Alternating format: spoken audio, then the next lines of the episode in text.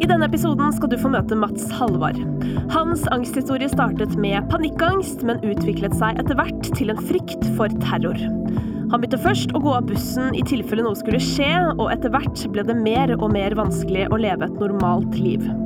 Frykten gjorde Mats veldig sliten, og etter en sjelsettende hendelse i Hunderfossen familiepark fikk han tips om at det kanskje var tid for å prøve medisiner. Det skulle vise seg å bli et vendepunkt for Mats.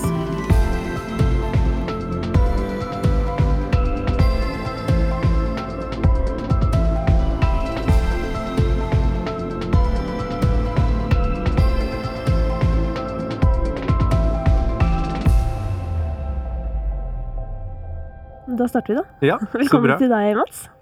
Takk. Du, um, hvem er du? Jeg, ja, jeg er Mats. Ja. Jeg er Mats Karlsen heter jeg, og er 36 år gammel. Kommer opprinnelig fra Tønsberg, eller Nøtterøy, da, for å være litt mer presis. Det er et litt sånn finere område, eller? Ja, jeg er fra på en måte litt fineste, eh, finere delen av Nøtterøy. Teie. Ja. Veldig, veldig flott eh, der skal det være. Ja. Eh, og så jobber jeg med å lage TV. Til daglig. Ja, og så har jeg en liten familie som jeg er veldig glad i og stolt av, med en samboer og to små barn. Ja. Mm. Det er veldig fint å vite før vi prater videre, tenker jeg. Ja. Ja. Um, du fikk en, eh, en ny erfaring for en liten stund siden, uh, som passer å snakke om i denne forbindelse. ja. Jeg fikk, Fortell. jeg fikk egentlig mange nye erfaringer Ja. på samme tid. Det begynner vel å nærme seg liksom seks år siden uh, nå, hvor jeg eh, Nå tar jeg meg alltid samme slengen, Mm. fordi eh, jeg syns ofte det er vanskelig å sortere helt hva som er hva, men jeg fikk mitt første barn. Eh, jeg mistet alt håret. Jeg fikk en, eh, en sykdom som heter alopeci, så jeg mistet alt håret på hele kroppen i løpet av to måneder. Og så fikk jeg en eh, Det vel de har kalt for en slags generell angstlidelse. Eh, hva som kom først, det eh, vet jeg ikke helt. Nei. Men eh, det var iallfall eh, en periode av livet hvor alt ble veldig rotete, på, på sett og vis. Mm. Mm. Hvordan utarta den generelle angsten seg? Nei, altså i starten Det begynte vel liksom med at jeg eh, Eller jeg trodde iallfall først at det begynte med at jeg fikk et eh, ganske sånn opp, opplagt angstanfall. Jeg satt i bilen eh, på vei hjem fra jobb. Jeg husker jeg var, var på vei Kjæresten min hadde vært borte sammen med, med vårt felles barn, og jeg hadde planer om å bygge, bygge en uh, utebenk før hun kom hjem. Uh, og var nok litt sånn stressa, for det jeg hadde selvfølgelig begynt siste dagen, sånn som jeg noen ganger gjør. Mm. Og så satt jeg i bilen, og så følte jeg at uh, nå besvimer jeg. Uh, og så ga det seg på en måte ikke. Sånn at jeg kjørte inn til siden.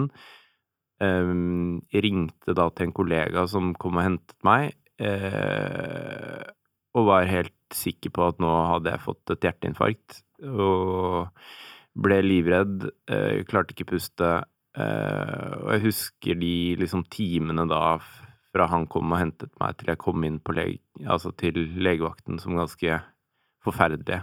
Hvor man da satt alene på legevakta og var helt eh, sikker på at dette var et hjerteinfarkt, og skjønte ikke helt hvorfor ikke jeg fikk øyeblikkelig hjelp, Mm. kan du si. Akkurat dette med angstanfallene og sånn, det, det gikk nok litt over da jeg lærte meg å skjønne hva det var for noe. Eh, og så kom det vel kanskje en litt sånn kraftigere angst inn i bildet, som var veldig spesifikt rettet mot at jeg var veldig redd for terror. Altså, jeg var eh, Jeg kunne møte terrorister overalt, hele tiden. Eh. Men betyr det at altså, du, du fikk jo dette panikkanfallet, Mm. og, og tida etter det første panikkanfallet er jo for mange veldig dramatisk, litt Mm. som du beskriver. Men så roer altså dette seg.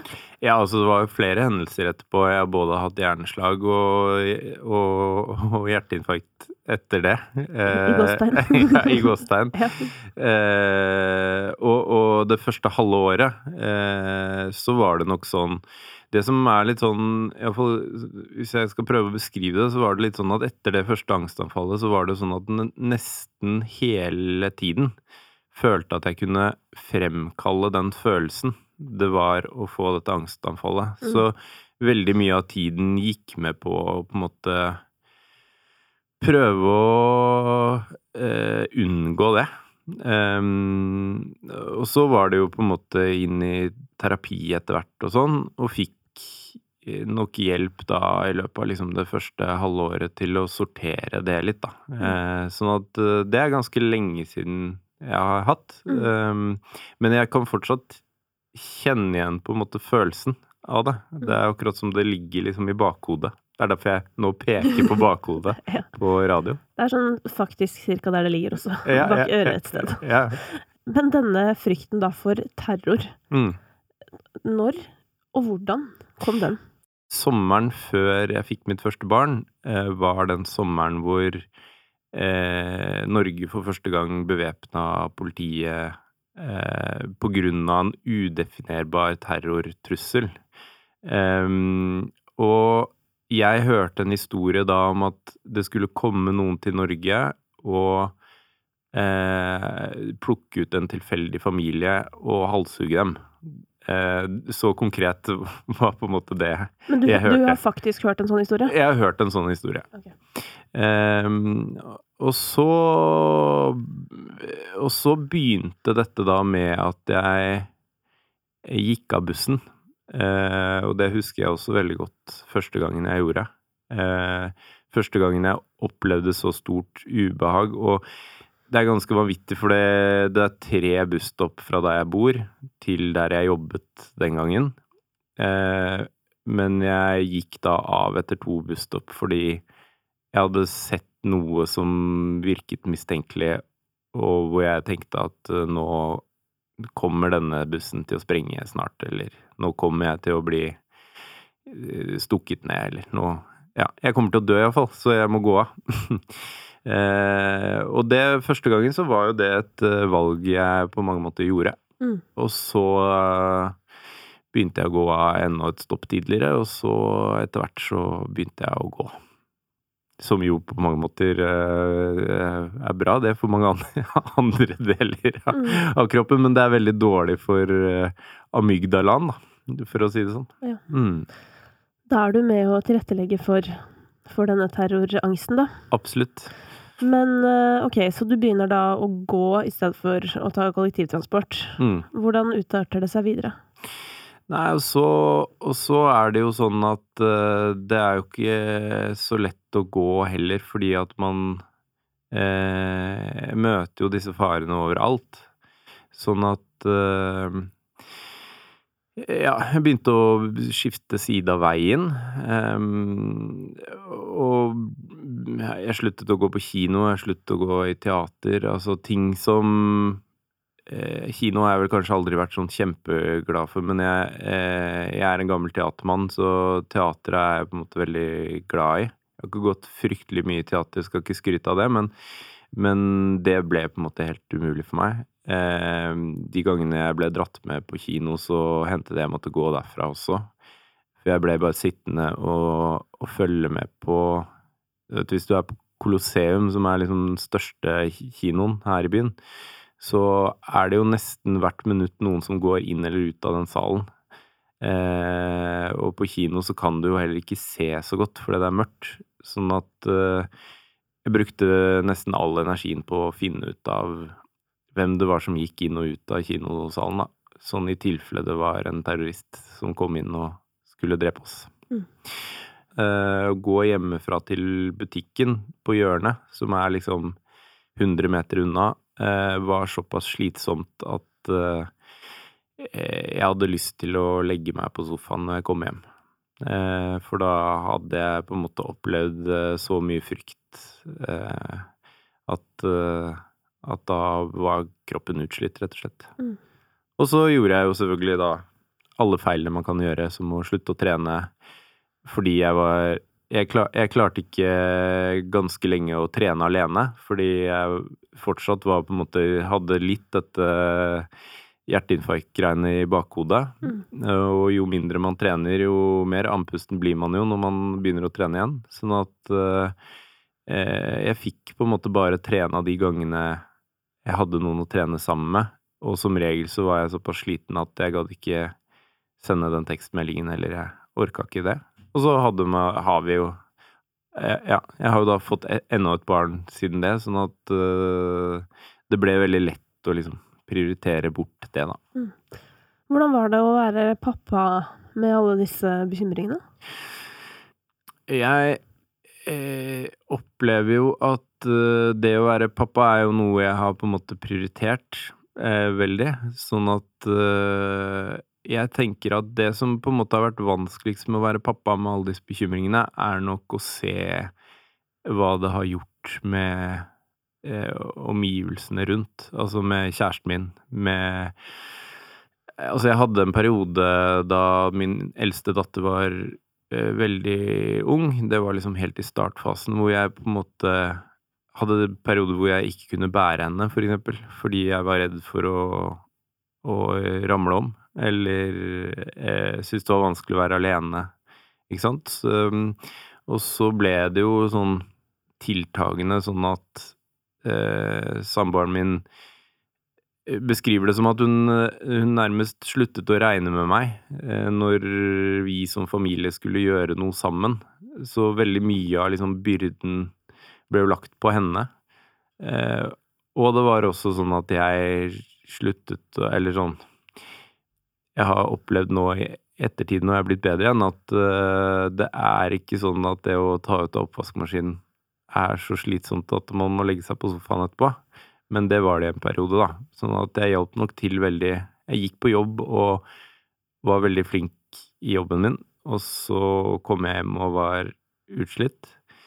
Ehm, og så var det en del sånne ting som jeg tenkte at uh, dette er bare fordi at jeg er en engstelig type, som at uh, jeg uh, syntes det var vanskelig å se på datteren min ha duploklosser i munnen. Altså, en duplokloss er så svær at det er helt umulig å sette den i halsen. Men jeg var livredd for det. Uh, jeg måtte opp og sjekke henne om hun levde ja, ikke bare én gang, men kanskje liksom syv ganger fra jeg la henne til jeg gikk og la meg. Jeg har lyst til å ønske velkommen til psykologen vår, Karina Kahl. Hei. Hei, eh, Karina. Hvordan opplever du å høre Mats sin historie? Det er vanskelig å bruke få ord. Um, Du kan bruke mange. både um, Jeg kjenner både medfølelse og respekt, og jeg blir nysgjerrig. Hva blir du nysgjerrig på? Jeg blir nysgjerrig på hvordan det har gått videre, eh, hvordan det er nå, hva han har fått ut av det, um, hvordan han selv betrakter sin egen prosess, um, hva han har erfart, blant annet. Skal vi begynne med hva som eh, skjedde videre, da? Ja. For nå har vi jo Altså, du Du beskriver jo egentlig ganske mange bekymringer, da, Mats. Ja, det er sant. Eh, denne terroren den stikker seg på en måte litt ut fordi den er Mm. så spesifikk, og det er kanskje noe andre folk ikke nødvendigvis går og er redd for, men dette med å, som du beskriver, å liksom holde barnet ditt og være redd for å miste det, og det er jo Mm. nesten sånn derre man Eller det er nesten sånn jeg ser for meg angst på film, eller skjønner du hva jeg mener? Sånn der, oh. Ja, ja. Nei, altså, jeg har jo hatt flere samtaleterapiløp hvor, hvor det egentlig har fungert ganske godt. Um, men så er det et eller annet med eh, noe som jeg har liksom beskrevet litt for de rundt meg, som at det koster ganske mye, det òg. Um, å skulle hele tiden minne seg selv på de tingene man lærer i samtaleterapi. Altså eh, lærte ganske mye av liksom sånn utsettelsesmetoder og alle disse eh, Drev med en del sånn eksponeringsterapi i en periode og sånn. Ehm, sånn at ehm, jeg har pleid å si at eh, etter en viss tid så ble jeg litt sånn lat på vegne av de tingene jeg hadde lært. Altså, jeg visste de var der, men jeg kunne si til meg selv sånn for eksempel at i dag skal du få lov til å krysse gata når du møter noe som er skummelt, for i dag er du sliten, så da skal du få lov til det. Og så var jeg inne i en ganske god periode, egentlig, eh, men for to For litt over et år siden så var jeg på Hundefossen med familien min. Eh, og det var det skumleste jeg har gjort i livet mitt, var å være på Hundefossen. Dette er jo da en familiepark, for de som ikke kjenner til det. Og det er ikke på grunn av det store trollet eh, at jeg ble redd, men det var rett og slett så mye terrortanker den dagen.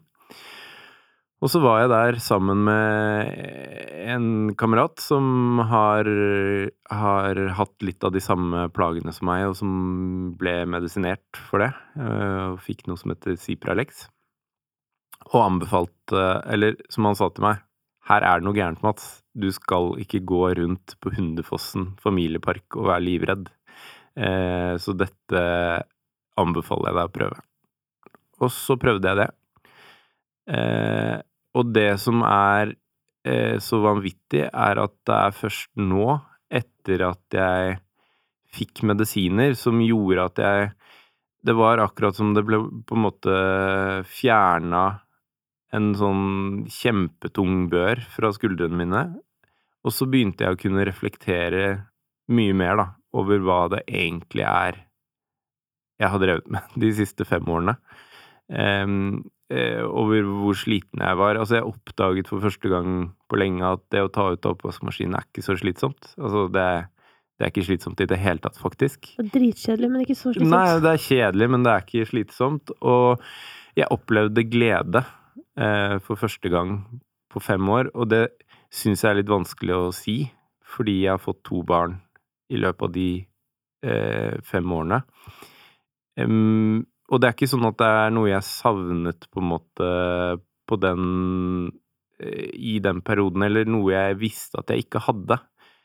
Men da jeg opplevde det igjen, så skjønte jeg at shit på fritt, jeg har jo ikke hatt noe bra. Du viser at du får gåsehud, Karina. Jeg får gåsehud da du forteller at du opplever glede, eh, og hvor vanskelig det er å si fordi at du har fått to barn i løpet av de årene. Jeg tenker at når vi er i vanskelige faser, som blir så vanskelig at vi, at vi omtrent ikke kan annet enn å stokke en fot foran den neste, eh, så kan det være vanskelig å ha perspektiv og se hva som egentlig skjer, før i ettertid, når man får litt mer ro og får ting litt på avstand, og da ser hvordan ting egentlig er, og det rører meg også. Mats forteller jo hvordan medisineringen har hjulpet han, men går det an å si litt om dette med medisinering generelt? Jeg vil starte med å si at medisiner er en velsignelse for mange, for de det virker for, og så er det veldig mange det ikke virker for, og det er aldri førstevalg. Og det er aldri uten, anbefales aldri uten at man har samtaleterapi samtidig. Det virksomme med sånne type medikamenter som du beskriver som Cipralex, det, det er et SSRI-preparat, det vil si selektiv serotonin eh, reopptakshemmere på norsk. Det vil si at eh, det sørger for at serotonin, som er et stoff som, som enkelt forklart får deg til å føle deg rolig og glad, eh, får lov til å virke lenger i den synaptiske kløften før det blir tatt opp. Så det er signalstoffer som vi allerede har, som er helt naturlige, eh, men som får lov til å virke litt lenger. Og SSRI-preparater er de mest alminnelige, og så er det også de preparatene som tar for seg både eh, dopamin, Eh, og andre typer sånne, sånne, virkestoffer som har tilsvarende effekt. Mm. Men Mats, da du, da du begynte på, på, disse medisinene, altså hvor lang tid tok det før du følte på noe endring? Nei, altså, eh, det var ganske umiddelbart at jeg kjente på noe endring, fordi de første 14 dagene var det veldig mye sånn Altså, var mye svingninger. Altså Sånn at det tok ikke så lang tid før jeg på en måte begynte å merke at jeg gikk på noen medisiner. Men så, så tok det vel liksom en ukes tid, før, eller to ukers tid, før det, ting hadde liksom normalisert seg litt. Um, og følte egentlig en ganske sånn Jeg føler litt at det, det, det er litt sånn at jeg begynte å ta, ta, de medisinene, og så har jeg ikke sett meg tilbake etter det, på en måte. Altså, jeg, jeg, jeg føler at jeg var ganske sånn Ja, med en gang. Mm. Mm. For noen så er det faktisk sånn at når de får de medisinene, så opplever de at de, at de kan være seg selv, at de blir seg selv, Mm. og den de er, den de egentlig skal være. Som jo er litt sånn i motsetning til det man ofte hører om medisiner, at man blir veldig flat eller Mm. nesten kan miste liksom følelsesliv.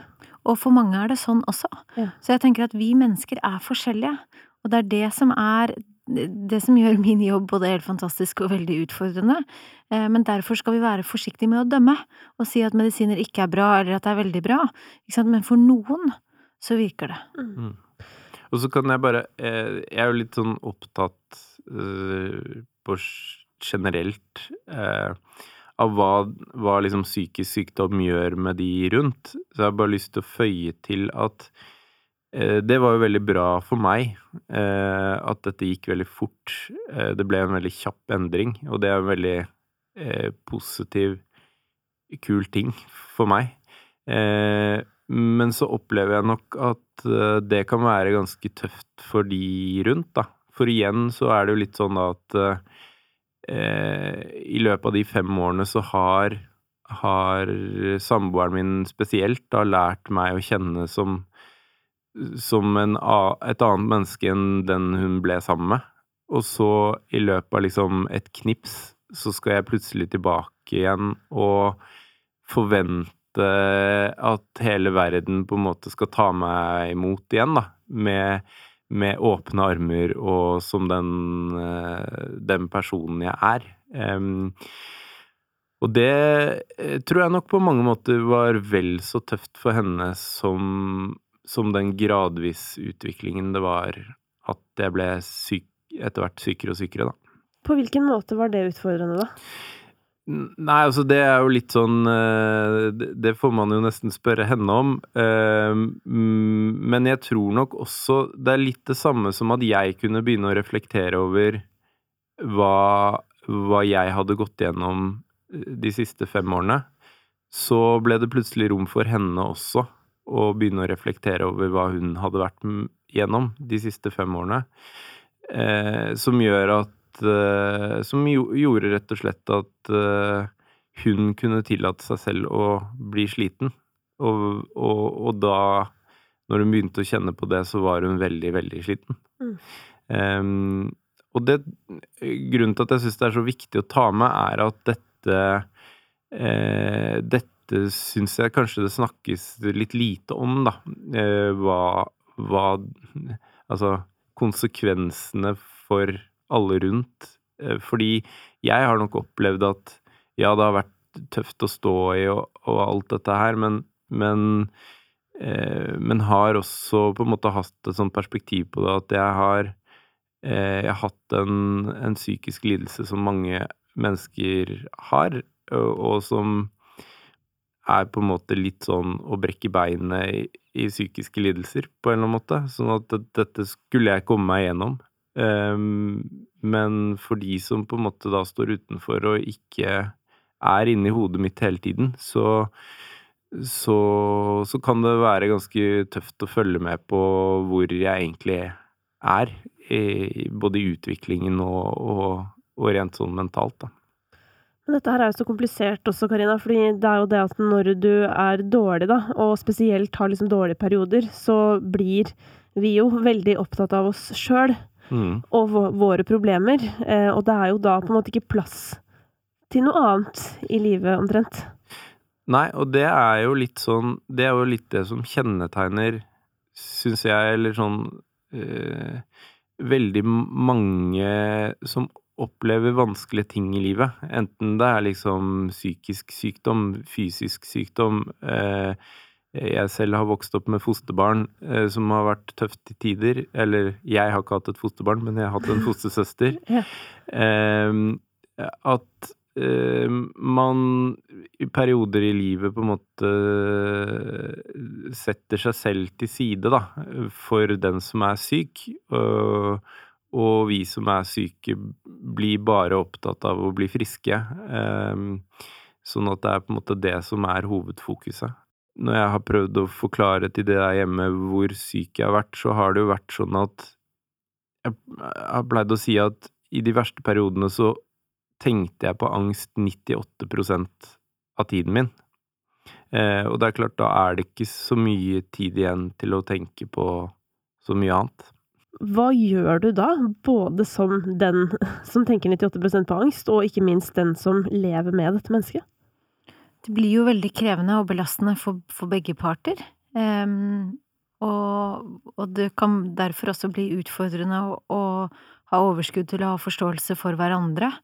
Uh, men vi får jo uh, i møte med det som er psykisk vanskelig, ofte en selektiv oppmerksomhet, så vi blir veldig opphengt i det som belaster oss. Og det blir vanskelig da å flytte fokus ut, ta inn uh, andre faktorer, andre ting, ta inn verden utenfor, og også å se det fine. Så er du redd, eh, i en tilstand av angst eller stress, så er de gode følelsene, de blir utilgjengelige for oss. Vi kan omtrent ikke Fra naturens side så er det vanskelig å kjenne glede hvis vi er i angst eller stress. Det, sånn er vi bygget. Altså, det handler om overlevelse. Um, og det samme skjer i fokuset vårt og tenkningen vår, at vi blir orientert om det som kan gå galt, det som er risikofylt, og vi ser farer, vi ser det som er trist og tungt og vanskelig og utfordrende. Mm. Og det Mats så, da, mens vi er inne på det, det var jo eh, terror, da. Er det en frykt du har liksom hørt tidligere? Absolutt.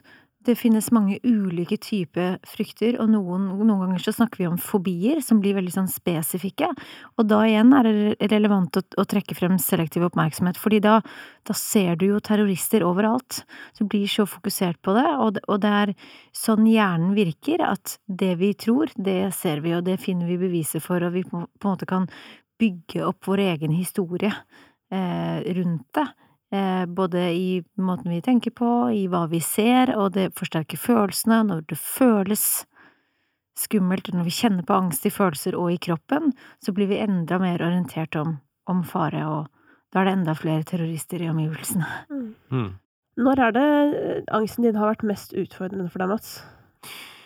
Eh, da har jeg veldig lyst til å å fortelle en liten historie som Det er helt fint hvis lytterne i dag ler av den, for det, jeg syns det er litt morsomt selv også.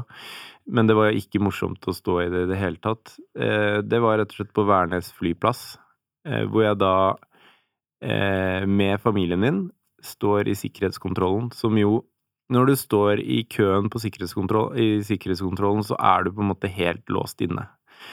Og på vei bort til sikkerhetskontrollen så så jeg en fyr som sto og spiste en hamburger. Eh, og da hadde jeg lest om Charlie Hebdo eh, i avisene en måned før, og jeg hadde lest at de spiste, eh, spiste pizza før dette terrorangrepet. Um, fordi det var noe de på en måte Det var et sånt rituale de hadde. Og så, når han var ferdig med hamburgeren sin, så gikk han inn på doen med en veske.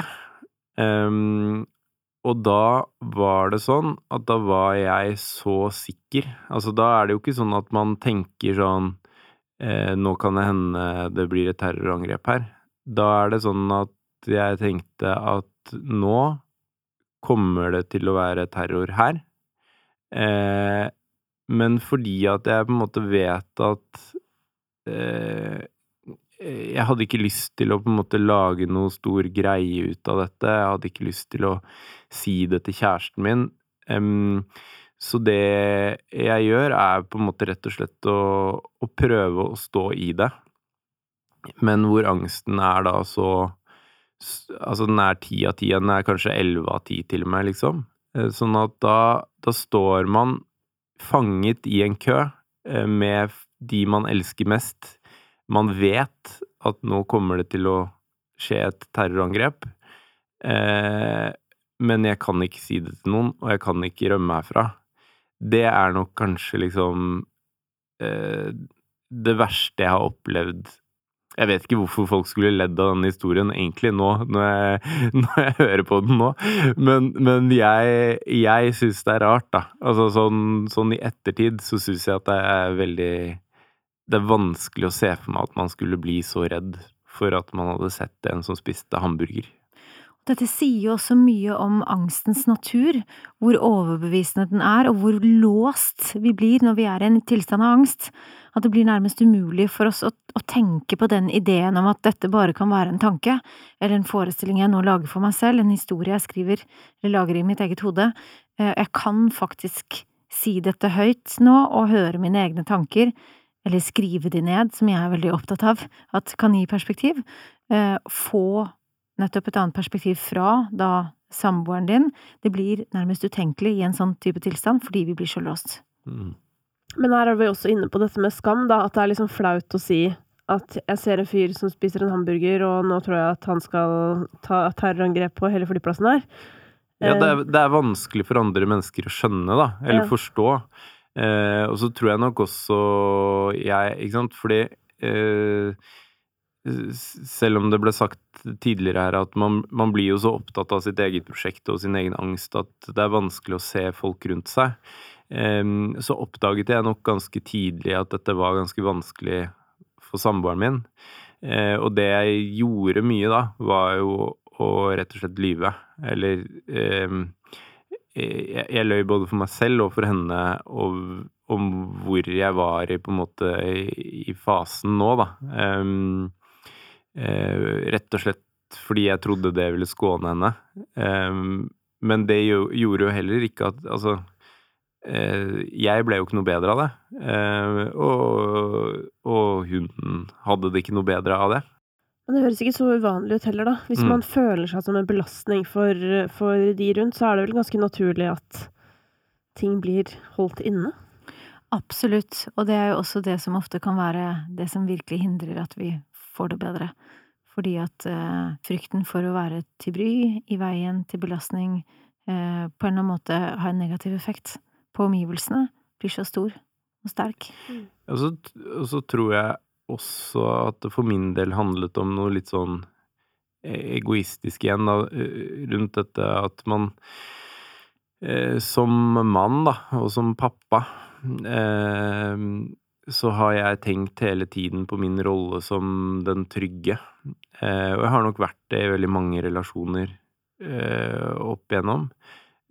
Så det var nok liksom den største sorgen min oppi det hele. At jeg ikke kunne tilby det.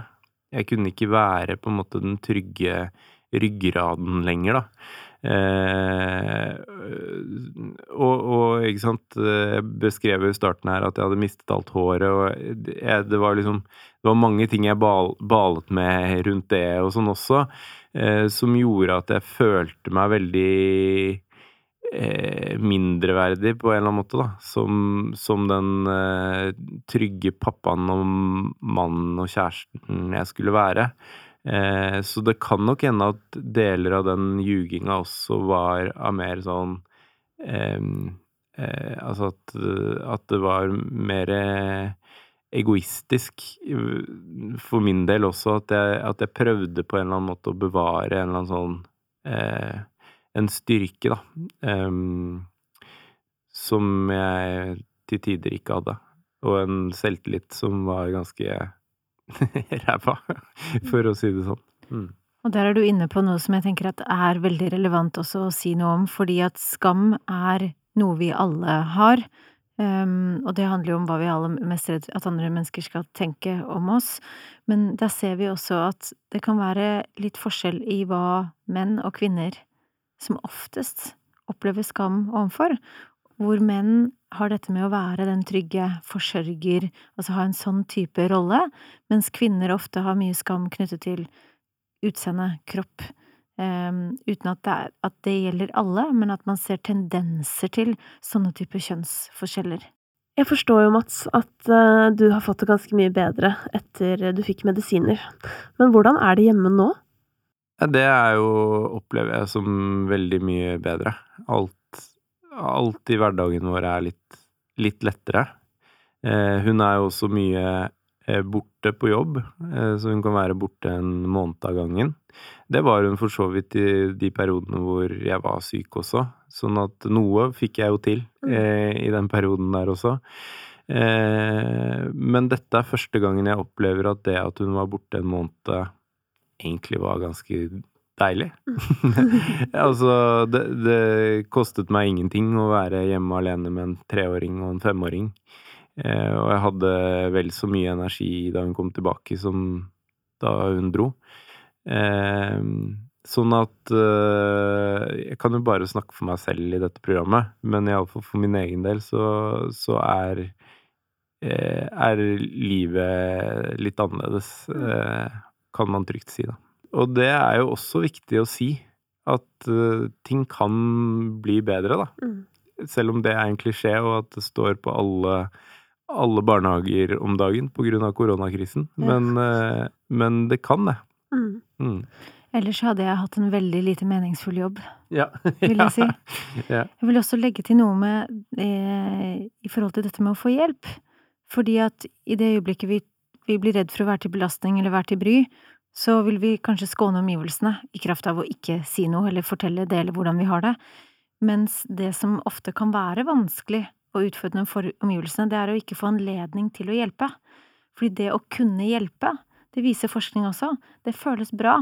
Det, det, blir ikke belastende, men det er når vi ikke kan hjelpe, når vi føler oss maktesløse, at det blir tungt å bære. Og det tenker jeg er, kan være viktig å si noe om, så det å gjøre seg tilgjengelig for omgivelsenes godhet og hjelp, det kan også være til hjelp for omgivelsene. Fordi da vil de oppleve at man kan komme inn og bidra med noe, og det føles bra for, for alle parter. Mm. Vi er mennesker i livet, vi trenger hverandre, eh, rett og slett. Og det å kunne støtte hverandre uten at det går kun den ene veien, men at det går begge veier, og det er også viktig for den som eh, er belastet, syk Jeg er liksom opptatt av at vi ikke snakker om liksom nødvendigvis syk eller frisk, men eh, som, som har det utfordrende eller vanskelig, da Eh, får anledning til å oppleve mestring i kraft av å bli stilt krav til også. Mm. Eh, fordi at hvis man blir behandlet som et offer, og da ikke skal gjøre noe av for eksempel, i ditt tilfelle, det som handler om dagligdagse ta ut oppvaskmaskinen og hjelpe til med barna og så videre, så hva, hva sier det, hva forteller du deg selv, og hva forteller andre til deg om den du er, hvis du blir fratatt alt ansvar. Det handler om en balanse, hvor man hjelper hverandre og samarbeider, og det kan være i en familiær relasjon, sånn som hjemme hos dere, men det kan også være i en vennskapsrelasjon eller på jobben eh, med kollegaer, at man, at man, kan snakke om hva som kan være konstruktiv hjelp. Det er faktisk litt sånn første gangen jeg tenker på, faktisk, fordi det var ganske plagsomt eh, at samboeren min eh, fortsatt krevde ting av meg da jeg var syk. Eh, men jeg er veldig Jeg er veldig glad for det, mm. sånn i ettertid. Og eh, jeg har en ganske smart bror som som fortalte meg Altså, han, han sa til meg fordi at jeg nektet å ta toget hjem til Tønsberg. Så hans samboer måtte ta toget mens jeg satt på i bilen. Eh, og da var han litt streng med meg, og så sa han at én eh, ting er at du er syk, men nå begynner dette Bare sånn at du er klar over det, så begynner det jo på en måte nå å, å bre seg litt utover. Det begynner å få konsekvenser for oss andre rundt. Eh, det er ingen som kan fortelle deg at du ikke skal dø i et terrorangrep, og det kan godt hende du gjør det. Eh, men du har et valg i forhold til hvordan du skal leve frem til du dør av det terrorangrepet. Eh, du kan enten velge å, å ødelegge hele livet ditt frem til du dør av terrorangrepet, eller du kan leve livet ditt sånn som du har lyst til å leve det, frem til det terrorangrepet skjer. Mats, hva skulle du ønske du visste for fem år sia, før hendelsen i bilen hvor du eh, kjente på panikkangst? Jeg skulle ønske at jeg Én eh, visste at eh, 70% av de, eller kanskje enda mer, 80% av de som kommer inn til legevakta med hjerteproblemer, eh, er muskelsmerter eh, og spenninger. Og veldig mange av de er angstrelaterte lidelser. Og så tror jeg nok at jeg først og fremst skulle ønske at jeg visste det vi har vært litt inne på tidligere, eh, at hvis jeg begynner å gå av bussen, så kan det ta veldig mange år før jeg klarer å gå på bussen igjen. Hvis en kompis eller venninne av deg eller noe eh, hadde kommet til deg i dag og, og forteller at, at vedkommende har opplevd noe lignende, eller sliter med noe lignende, hva, hva ville du sagt da? Eh, jeg tror jeg først og fremst ville på en måte snakket litt om min egen situasjon, for det er på en måte det jeg kan. Eh, jeg, jeg syns fortsatt at det er veldig vanskelig å på en måte som legperson gi masse råd. Men jeg ville nok oppfordret personen til å gå til fastlegen sin. Og hvis fastlegen ikke hørte, så ville jeg oppfordret de til å bytte fastlege. Um, for det gjorde jeg. uh, og kanskje snakket litt om, om de lavterskeltilbudene som finnes der ute, på en måte. Mm. Eh, og jeg er en veldig sånn forkjemper for, for samtaleterapi. Jeg er jeg, jeg, Det syns jeg jo kanskje er det mest fascinerende i verden. At det å gå og snakke med et menneske som er like mye menneske som deg og meg. Um, når man selv egentlig føler seg som ganske oppgående og ganske reflektert, uh, men bare det at et annet menneske uh, klarer å sette liksom ting litt i system, og ikke minst det å gå til psykolog første gangen, det i seg selv hjelper ganske mye. Fordi du har allerede da fortalt deg selv at her har jeg et problem jeg ikke klarer å løse selv. Så du har på en måte åpnet opp døra, da, for å få hjelp. Um, sånn at uh, Ja, det er vel det jeg ville, ville sagt. Mm. Fine, fine ord. Mm. Uh, tusen takk for at du ville komme, Mats, og dele din historie. Takk for at jeg fikk lov å være her.